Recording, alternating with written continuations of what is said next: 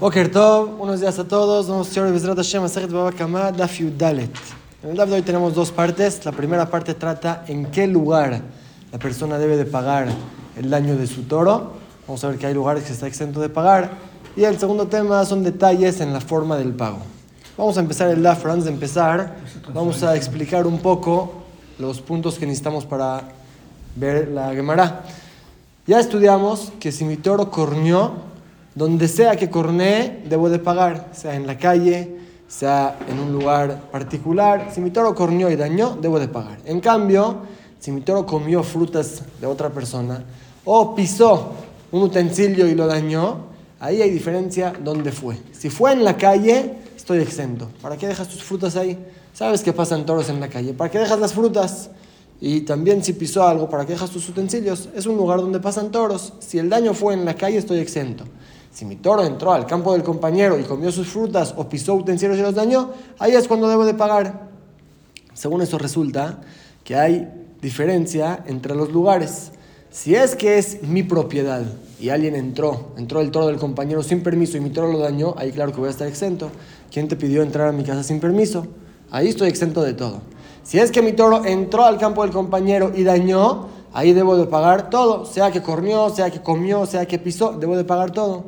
Y si el daño fue en la calle, ahí hay diferencia. Si mi toro corneó, aunque puedes pasar pero no puedes cornear, debes de pagar. Si el toro comió frutas o, pisó utensilios, ahí estoy exento, en la calle. Según eso, la Gemara tiene la duda qué pasa en un lugar que pertenece a dos socios. Y el toro de uno dañó al otro. Por un lado, si es que depende de si tengo permiso de estar ahí o no, tengo permiso de meter mi toro ahí. Entonces, si depende del permiso, estoy exento sobre si mi toro comió las frutas o pisó algo. Es como la calle que tengo permiso de pasar mis toros ahí. Aquí también tengo permiso de meter mis toros a este lugar, voy a estar exento. Pero si depende de que en la calle, ¿para qué pones tus frutas? Aquí te dice el otro socio, tengo permiso de poner mis frutas, es también mi propiedad. Es la duda, cuando es un campo, un patio de dos personas, de dos socios, y el toro de uno comió las frutas del otro debe de pagar ya que el otro tiene permiso de meter sus frutas o está exento de pagar ya que tiene permiso el toro de estar ahí. Ayer vimos que es una discusión, según Rabjis de nombre de Abimi, debe de pagar, según Rabbi Elazar, está exento de pagar. Y sobre eso habla la primera parte del DAF. Empezamos el DAF seis reuniones de arriba para abajo, donde dejamos el DAF de ayer. Pregunta la Gemara, Eini, una pregunta en contra de Rabbi Elazar. ¿Cómo tú, Rabbi Elazar, dices que si el toro de un socio comió las frutas del otro socio en ese patio que los dos tienen permiso de meter ahí sus toros y sus frutas, está exento. ¿Cómo dice así? Va a Rabbi Yosef, si dijo Rabbi Yosef, el patio de los socios, de Apundak, o un hotel, que en un hotel, todos los que están ahí, todos los visitantes traen sus toros, traen sus frutas. Hayav Baem a la regel. Si un toro comió la fruta del otro, debe de pagar, tanto si comió, tanto si pisó un utensilio de Rabbi Elazar, es una pregunta para Rabbi Elazar que lo exenta. Amarle Rabbi Elazar, te dice Rabbi Elazar, Betisbera, ¿qué acaso piensas preguntarme así de la verdad que trajo Rabbi Yosef? Matnita me lo pliega, ¿acaso no hay otra verdad que diga como yo? Beataña, escucha esta verdad, dice claramente como yo opino. Dice la verdad, Arba, Klalota, ya Rabbi Shimon Ben Lazar, Omer Ben Zakin. Cuatro reglas, decía Rabbi Shimon Ben Lazar, en el tema de los daños. Primera regla, Kol Shu Reshut La Nizak. Todo lugar que es propiedad del dañado, si mi toro entró a la casa del compañero y ahí dañó, Hayab Bakol. Debo de pagar todo, sea que corrió, sea que comió frutas, sea que pisó utensilios. Si tu toro entró a la casa del otro y dañó, debes de pagar todo. Primera regla. Segunda regla, de Mazik Velonizak, si es mi propiedad y tu toro entró a mi propiedad sin permiso, metiste tus frutas a mi casa sin permiso y mi toro se las comió, Patur Mikol, estoy exento, ¿para qué metes tus cosas sin permiso? Tercer lugar, las de las de, si es que es un lugar que pertenece a los dos, que Or Shutafim, como el patio de los socios, de A, o el valle que hay muchos campos y todos pueden poner ahí sus cosas, Baturba a la Shem a la regel, ahí está exento si es que mi toro comió o pisó, claramente dice como Rabbi Elazar, que en un campo de los socios, si mi toro comió las frutas del otro, estoy exento. Sigue diciendo, pero a la neguijá, si es que el toro corneó, a la neguifá, o empujó, a la nejijá, o mordió, a la revizá, o si se sentó y aplastó algo, a la beitá, o si pateó, ahí ya dijimos que no hay diferencia si es en la calle o es en un lugar particular. El toro no debe cornear en ningún lugar. Ahí está Meshalem Hatzin. Que si es un toro manso, las primeras tres veces que daña, paga la mitad del daño. Y Muad Shalem, si es que es un toro ya corneador, ya después de las tres veces que ya lo hizo, ya vimos que es un toro corneador, ahí paga el daño completo. Último caso. Lo las de, lo las de.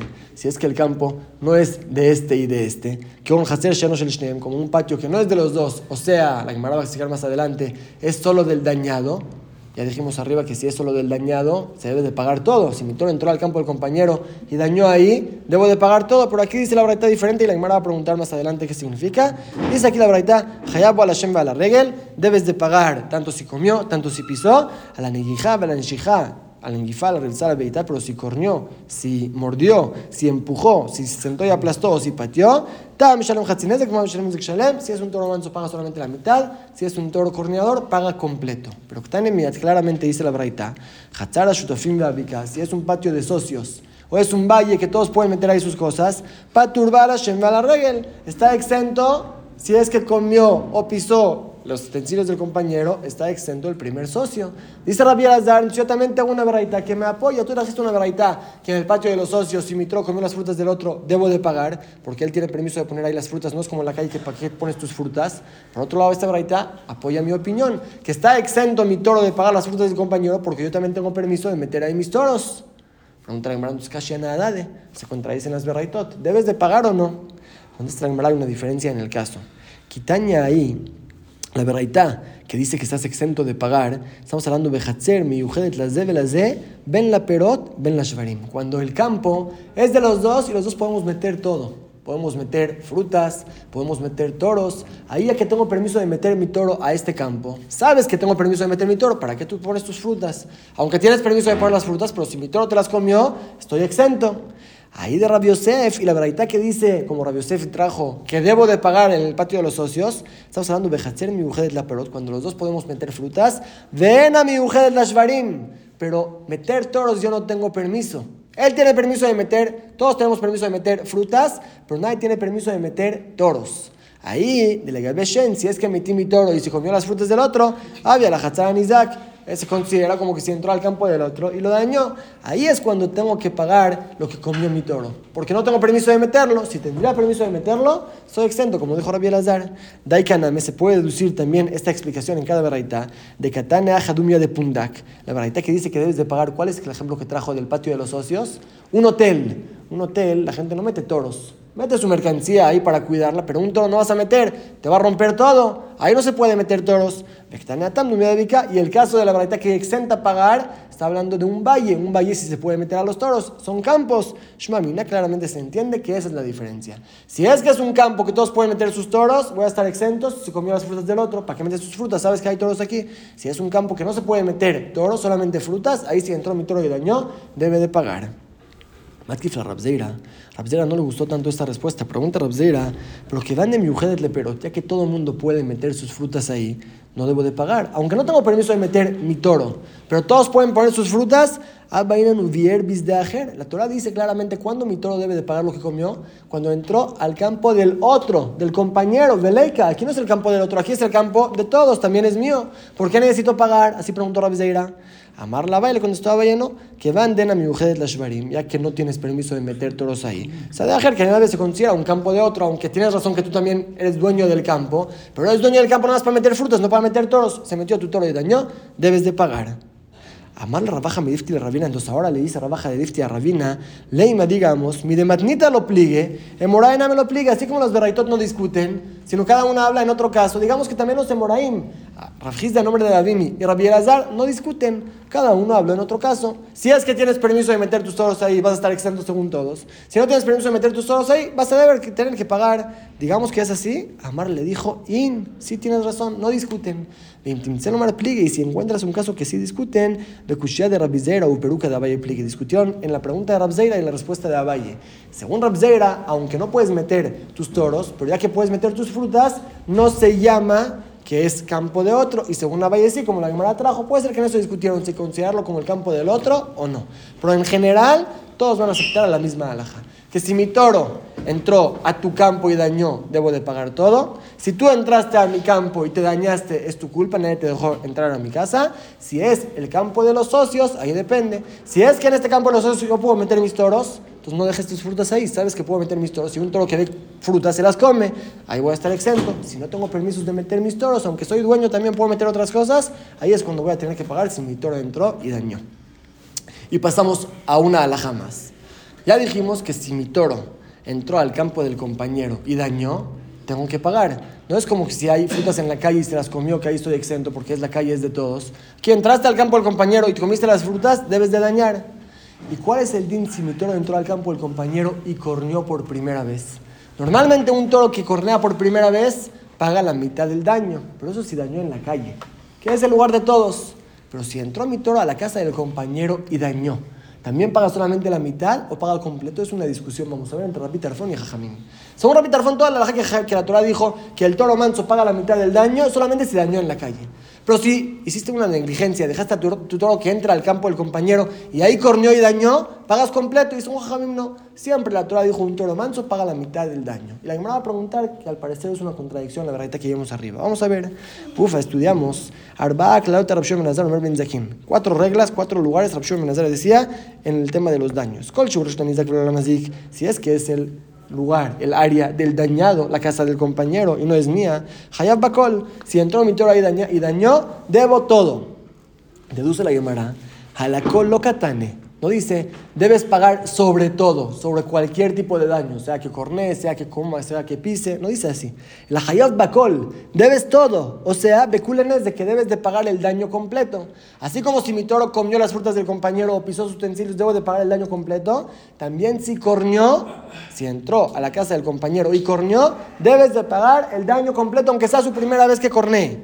Mani, como quién va eso, como Rabbi Tarfón, y es la opinión de Rabbi Tarfón, de Amar que él dice Meshuna Keren, es diferente el din del daño, eh, del cuerno, del, cuando el toro cornea, que si fue en la casa del dañado, Nezek Shalem Shalem debe de pagar el daño completo. Normalmente la primera vez del toro corneador es medio daño, aquí cuando entró a la casa del compañero de Dios, según Rabbi Tarfón, es daño completo, se entiende la verdad como su opinión. Seifa, mira cómo termina la breta diciendo, y esta contradicción, dice la breta, lolas de velolas de, si es que este lugar donde se dañó el campo no es de este y de este, que gon por ejemplo, un campo que no es de los dos, Hayab la regel debe de pagar sobre si comió o si pisó. May lolas de velolas de qué significa que el campo no es de este y no es de este. Y la lolas de velolas de la de ajer significa que no es de ninguno de los dos, ni del dañador ni del dañado, es de un tercero. ¿Por qué, va, ¿Por qué, va, a tener que pagar mi toro si comió las frutas del otro? Da vaina ubiervis de de leca. La Torah dijo solamente si mi toro entró al campo del compañero y ahí comió las frutas, ahí es cuando tiene que pagar. Pero si comió las frutas en un campo de un tercero, ¿para qué metes tus frutas ahí? ¿Quién te dio permiso? Ahí voy a estar exento. Claro que no es la explicación de la braita, el apshita, sino que se refiere a la braita.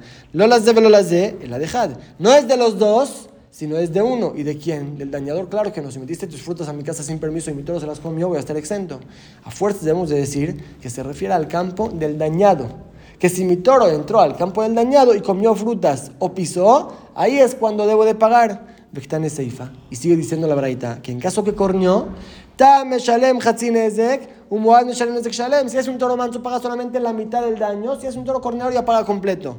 Pero Atan Rabbanan, eso ya va según la opinión de Jajamim, de hambre que ellos sostienen, Meshuná quieren Bejatzan Anizdak, Jatines de Kudum Shalem. Aún un toro que corneó dentro de la casa del compañero, si es su primera vez, paga solamente la mitad del daño. Es una contradicción, la misma Braita. Reisha Rabitarfon, Besefa Rabbanan. El principio de la Braita va según Rabitarfon, que si mi toro corneó en la propiedad de mi compañero, paga completo. Y el final es como Jajamim, que paga solamente la mitad. Se contradice la Braita. ¿Cuál es el dinero en un toro que corrió en la casa del compañero? ¿Paga completo o paga la mitad? Dice la Gemara, in. Sí, es una contradicción y debemos de explicar cada parte de la verdad. Como otro jajam, de amarle Shmuel a Rabiudá, como le dijo Shmuel a su alumno, a su alumno Rabiudá, Shinana, como diciéndole inteligente, picudo, así lo llamaba de cariño a su alumno. Le dijo, Shvok matnitim vetabatrai. Deja la Mishnah. La Mishnah al parecer se contradice. Déjala, hazme caso a lo que te explico yo. Reisha Rabitarfon, Besefa Rabbanan. El principio la Braita va como Rabitarfon, que se paga completo. El final va como Jaime, que se paga la mitad. En verdad es una discusión. La Braita al parecer se contradice. Es una discusión. Pero Rabina Mishme de Rabba Amar, Rabina en nombre de Rabba quiere contestar. En verdad, Kula Rabitarfoni. Toda la Braita es la opinión de Rabitarfon. Y el principio de la braita queda muy bien, que dice la braita, si tu toro entró a la casa del compañero y dañó, sea que comió, sea que pisó, sea que corneó, pagas completo el daño como opina Rapitarfón. Entonces, ¿qué hacemos con el final de la braita? Que dice que un terreno que no es de este y de este, un bailo las de velo las de, ¿qué significa que no es de este y de este? De un tercero, claro que no. Y del dañador, del dañador, claro que no. Entonces, ¿de quién es? Lolas de Lolas de Perot, el Adejal. Que solamente uno de ellos tiene permiso de meter frutas y las de las de Shvarim, pero los dos son socios en meter toros. El caso de antes que hablamos arriba era al revés. Que todos pueden meter sus frutas, pero nadie puede meter sus toros. Aquí es al revés. Aquí es que uno puede meter sus frutas y los dos pueden meter sus toros. Ahí es la diferencia entre si el toro comió o el toro corñó. Aquí este lugar se compara a la calle. En la calle todos tienen permiso de poner sus toros, todos pueden caminar por ahí. Y ahí vemos que si un toro come las frutas está exento. Si el toro cornea, va a tener que pagar la mitad del daño. Aquí, que el otro tiene permiso de poner sus frutas, para el tema de que si el toro comió las frutas, es como el campo del dañado, porque él tiene permiso de meter sus frutas. No es la calle que para qué deja sus frutas ahí. Le quieren, pero si el toro cornea, a la se considera como la calle. Tengo permiso de poner mi toro ahí, por eso lo puedo meter. Si el toro corneó, es como que si corneó en la calle, que paga la mitad del daño. También son un repitarfón en la calle, se paga la mitad del daño la primera vez. La duda es, ¿cómo puede ser que es el campo del dañado y paga solamente la mitad del daño? La respuesta es que es el campo del dañado y tengo permiso de meter mis toros. Por eso, si comió las frutas, debo de pagar completo. Si corneó, debe de pagar solamente la mitad. Pregunta la camarada nada más si si es así, arba. ¿Por qué dijiste al principio que son cuatro lugares? No son cuatro lugares, Shloshabu, son solamente tres. Lugar del dañado, lugar del dañador y lugar de los dos. Son tres, dice la así. Amar Rabajamaritzá contestó. Son tres reglas en cuatro lugares. O sea, las reglas son muy sencillas. Si tu toro dañó en el campo del compañero, según Rabitarfón, pagas completo sobre cualquier daño. Si tu toro dañó en tu propia propiedad, que alguien entró sin permiso, estás exento sobre todo. Tercera regla, si tu toro dañó en la calle, sobre cornear se paga la mitad las primeras tres veces y la última después se paga completo. Sobre comer y pisar estás exento. Las reglas son claras. Si tú llevas las reglas y aplícalas en cada uno de los cuatro lugares, ¿cuánto debes de pagar? Cuando terminamos la primera parte del LAF y pasamos a la segunda, vamos a ver una Mishnah que al parecer es una adivinanza. No se entiende nada de la Mishnah y la Gemara va a explicar cada palabra y palabra. Dice la Mishnah. Vamos a leer y traducir. Shum Kesef. El avalúo es en dinero. Shve Kesef. Algo que vale dinero. Bifne Bedin, delante del Bedin, de Alpiedim y por la boca de dos testigos. Bne solamente si son Yehudim, eh, si son libres, que no son esclavos. Bne solamente si son Yehudim. Vean Hashim que las mujeres están incluidas en el daño. Vean Isaac y tanto el dañado como el dañador deben de pagar. ¿Qué significa esta Mishnah? No se entiende, la Gemara va a explicar parte por parte. Primero, Maishum, ¿qué significa? Se evalúa el dinero. ¿Qué significa? Amar Rabiudá explicó Rabiudá, Shum Zelo Bekesef. El avalúo del daño se, se, evalúa exactamente el daño que fue, el precio que fue. ¿Qué significa? Taninalea, como estudiamos en la brata de Tamar, Parashi Talit.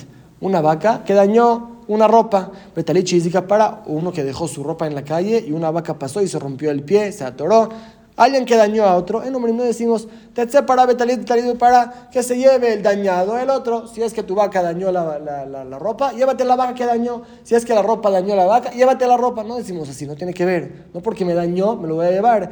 El asino mí el bedín evalúa claramente, el bedín evalúa exactamente cuál fue el daño, fue de tanto dinero, es lo que vas a tener que pagar. No te puedes llevar la vaca, no te puedes llevar el talit, pagas esto. Después dijimos en la Mishnah Shve algo que vale dinero, ¿qué significa? Y lo que estudiamos Jajamim. Shve Kesef, esas palabras meramente nos enseñan, Shem Bedin Kakim, de dónde el Bedin se cobra, era el Mejasim Shesh la solamente de bienes que tienen responsabilidad. O sea, un terreno es algo de garantía. No se puede robar, no se puede perder. Siempre se queda ahí. En cambio, un objeto movible se puede robar, se puede perder, se puede echar a perder. Lo que le pase no es seguro que se quede para siempre. Eso se llama un objeto que no tiene garantía. Así la, la lo llama. O sea, el bedín se cobra solamente de bienes con garantía, de terrenos. Avarim Kadam Nizak Betafaz Metal Telim, pero en caso que el dañado fue a la casa del otro y arrebató cosas, ya se cobró su deuda sin preguntarle al Bedín, ahí Bedín lo me, el Bedín se lo dejan en su mano. Y la analiza esta verdad Marmor dijo Jajam. Shvek que de estas palabras me la nos enseña que el Bedín se cobra solamente de bienes con garantía de terrenos. ¿Cómo entra en las palabras Shvek algo que vale dinero? ¿Cómo eso entra en las palabras de un campo, de un terreno? Amarraba Baraúla explicó, Davara Shavek Kol Kesef. Se refiere a algo que vale cualquier precio que le pongas. Maini, ¿a qué se refiere? Davar Lona, algo que no existe engañar. Si la persona vende una mesa a 10 mil pesos y no es su valor, engañaste al cliente. Se retracta, te regresa a la mesa, le regresa el dinero. Existe una alajá de ona que no puedes engañar. Pero en campos, el precio que le pongas es su precio adecuado. En campos no existe un precio. Siempre un campo puede valer muchísimo, depende de la necesidad de la persona. Ahí no existe engañar, no existe la alhaja de una. Eso se refiere, Shabe Kesef, que vale dinero, vale cualquier precio que le pongas. Así quiere explicar a Gemara. Pregunta a Gemara, pero a Charot también la emona. También un esclavo que vendes o un documento que vendas, la alhaja es que no hay alhaja de engaño. Al precio que lo vendas, así se queda. Entonces, ¿quién te dijo que la verdad se refiere a terrenos? El amarraba brula, si lo explicó diferente, de Niknebe que se refiere a algo que se adquiere con dinero. Objetos movibles para adquirir debes de llevártelos a tu casa. Solamente un terreno, pagando ya se hace tuyo automáticamente. A eso se refiere Shabbat que se algo que vale dinero, quiere decir que se adquiere con dinero, terrenos.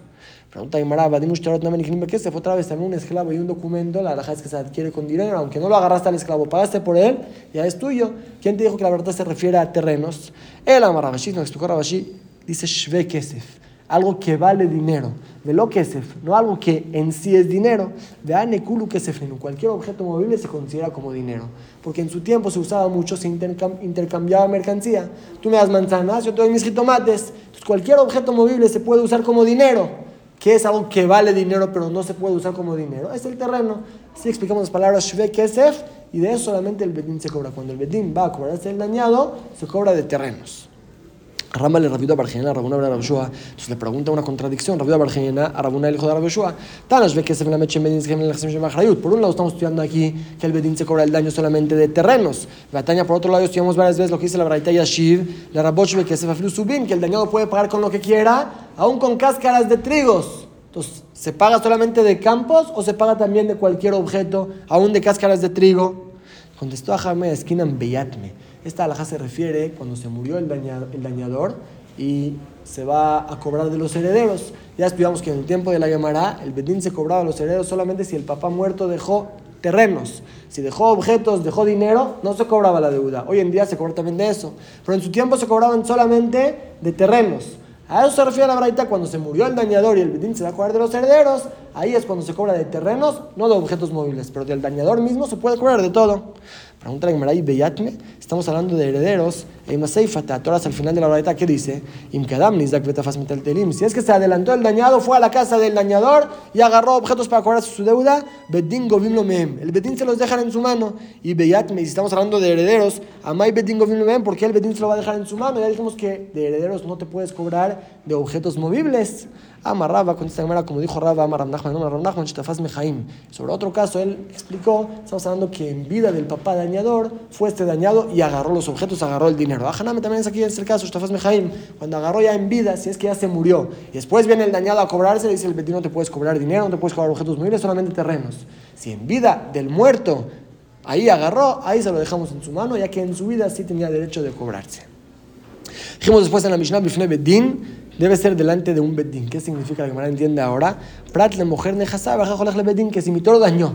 Yo rápido vendí todos mis terrenos, todas mis pertenencias, me acabé el dinero, después voy al bedín para que me cobren no me pueden cobrar, no hay de dónde. Dice ¿acaso es así? Shmamina, ¿acaso puedes entender de esto que la da una persona que pidió prestado? Un majar de Hazab después vendió sus terrenos, Bajar Bedín y después lo acusaron al Bedín para que pague la deuda. En Bedín vino ven que el Bedín no se va a cobrar de los clientes, la alhaja no es así.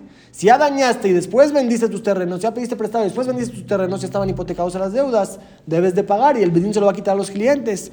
El así, la Mishnah se refiere, Prat de Bedín que todo este tema de los daños se debe de juzgar delante de un Bedín acreditado, certificado, que le dieron el poder de juzgarlo, no un bedín de personas simples, no cualquier tres personas pueden juzgar este juicio, a eso se refiere la Mishnah. Y última alhaja para hoy, dijimos al pie que debe ser delante de testigos, ¿qué significa? que si la persona debe de pagar una multa. Y antes de que lo lleven al bedín a acusarlo, antes de que vengan testigos, él fue y reconoció, por ejemplo, un ladrón que robó algo, y si lo cachan ahorita debe de pagar doble, es una multa que la Torah exigió que pague doble. Ahí, si es que él rápido viene al Bedín y dice la verdad, robé, aquí está el objeto, se exenta de pagar esta multa. Eso que dice que debe ser por testigos, pero si se adelantó antes de que lleguen los testigos, está exento. Dice, eso es una discusión. Anija le mandamos de Eso queda bien según la opinión que si reconociste en la multa, aunque después vengan testigos, estás exento. El mandamos pero según el que discute y dice si al final llegaron testigos y atestiguaron que debes de pagar, no te exentas por reconocer. Michael Meimar, según él, ¿qué es lo que dice la Mishnah? Que debes de traer testigos. Claro que deben de haber testigos, dice la Gemara así. Seifa y el es el final de la Mishnah. que Bnejorin u Bnebrit. Solamente pagas cuando dañaste a una persona libre o a una persona que es Yehudi. O sea, Bnejorin le mautabadim. Si hay un esclavo que tiene un toro a ver cómo pudo tener un toro un esclavo sin que sea de su dueño, pero un esclavo que tiene un toro y tu toro lo dañó, estás exento. Y Bnebrit solamente si es Yehudi, si es un goy que tu toro dañó a su toro, estás exento. Usted dice enseñarte que en los dos casos va a estar exento. porque su ha dicho solamente que si mi toro dañó al toro, el esclavo estoy exento. Lo yajas porque el esclavo ya dijimos que se compara a un animal. Sus hijos no se consideran de él, van detrás de la mamá, no tiene abolengo. Aval no yajas, pero un goy que sus hijos van detrás de él. Y malo diríamos, es una persona más que podríamos considerar en él y si mi toro lo dañó, tendría que pagar. También si me diría el caso que si mi toro dañó el toro de un goy, estoy exento, porque el goy no cumple ninguna mitzvah. Por eso Torah dijo, ese es un rasha, no debes de pagarle. Por un esclavo que nada ni que cumple mitzvot por lo menos como una mujer y malo, hubiéramos dicho, debes de pagarle si tu toro dañó a su toro. Trija, para eso la misma me enseña que sea un goy, sea un esclavo, si tu toro dañó a su toro, estás exento. Solamente cuando tu toro daña el toro de un yudí libre, ahí es cuando debes de pagar. Dejamos aquí el DAF de hoy. Vamos a repasar lo que estudiamos. Estudiamos al principio del DAF los lugares donde la persona debe de pagar y como quedó la llamará al final, la regla es la siguiente. Si es que alguien entró a mi casa sin permiso y mi toro lo dañó, estoy exento. ¿Quién te dio permiso de entrar a mi casa? En el caso al revés, cuando mi toro entra al campo del compañero y daña, ahí siempre voy a tener que pagar, sea que corneó, sea que comió fruta, sea que pisó utensilios, tu toro entró al campo compañero, debes de pagar. Si ahí hay una discusión, cuando mi toro corneó, si debo de pagar las primeras tres veces la mitad del daño, así opina Jajamim, o pago completo como opina Rapiterfon. Es una discusión. El tercer lugar es en la calle, en la calle que todos tienen permiso de pasar por ahí, o en un área que le pertenece a dos personas, y los dos pueden meter ahí sus toros, pueden meter sus frutas, ahí, si es que el toro comió o pisó, estoy exento, si es que el toro corneó, que no debe de cornear, las primeras tres veces pagas la mitad del daño y después ya pagas completo. Y lo mismo si es un campo, como dijimos, de dos socios, que los dos pueden meter, que es como la calle. Si es un caso que solamente uno puede meter sus toros y el otro no lo puede meter, ya vuelve a ser para ese tema como el campo del dañado. Esas son las tres reglas que se pueden aplicar en cada lugar y lugar. Esa fue la primera parte del DAF. En la segunda parte estudiamos varias alajot en los detalles de cómo se paga el daño. Primer detalle, que el vecino dice, ah, tu toro corneó, que el otro se lleve el toro. No, se evalúa el daño y según eso se paga. Vimos que el betín se cobra solamente de terrenos cuando son herederos. Si es que se van a cobrar el dañado mismo, se pueden cobrar de lo que sea, tanto de terrenos, tanto de objetos móviles, de su dinero, se cobran de todo. Si es que se murió y los herederos van a pagar, se cobra solamente de terrenos. A menos que en vida del papá este ya fue y agarró el dinero, agarró un objeto, ya se lo dejamos en su mano. Por los herederos se cobra de tierra. Tercera alhaja fue que el bedín que va a juzgar este daño debe ser un bedín certificado, no cualquier bedín. Y la última que solamente cuando mi toro dañó el toro de un yehudi, ahí es cuando tengo que pagar. Pues si mi toro dañó el toro de un esclavo, aunque cumple un poco de mitzvot como una mujer, o el toro de un goy, la persona está exenta de pagar. Es lo que estudiamos en el DAF de hoy. Es con la mitzvot y.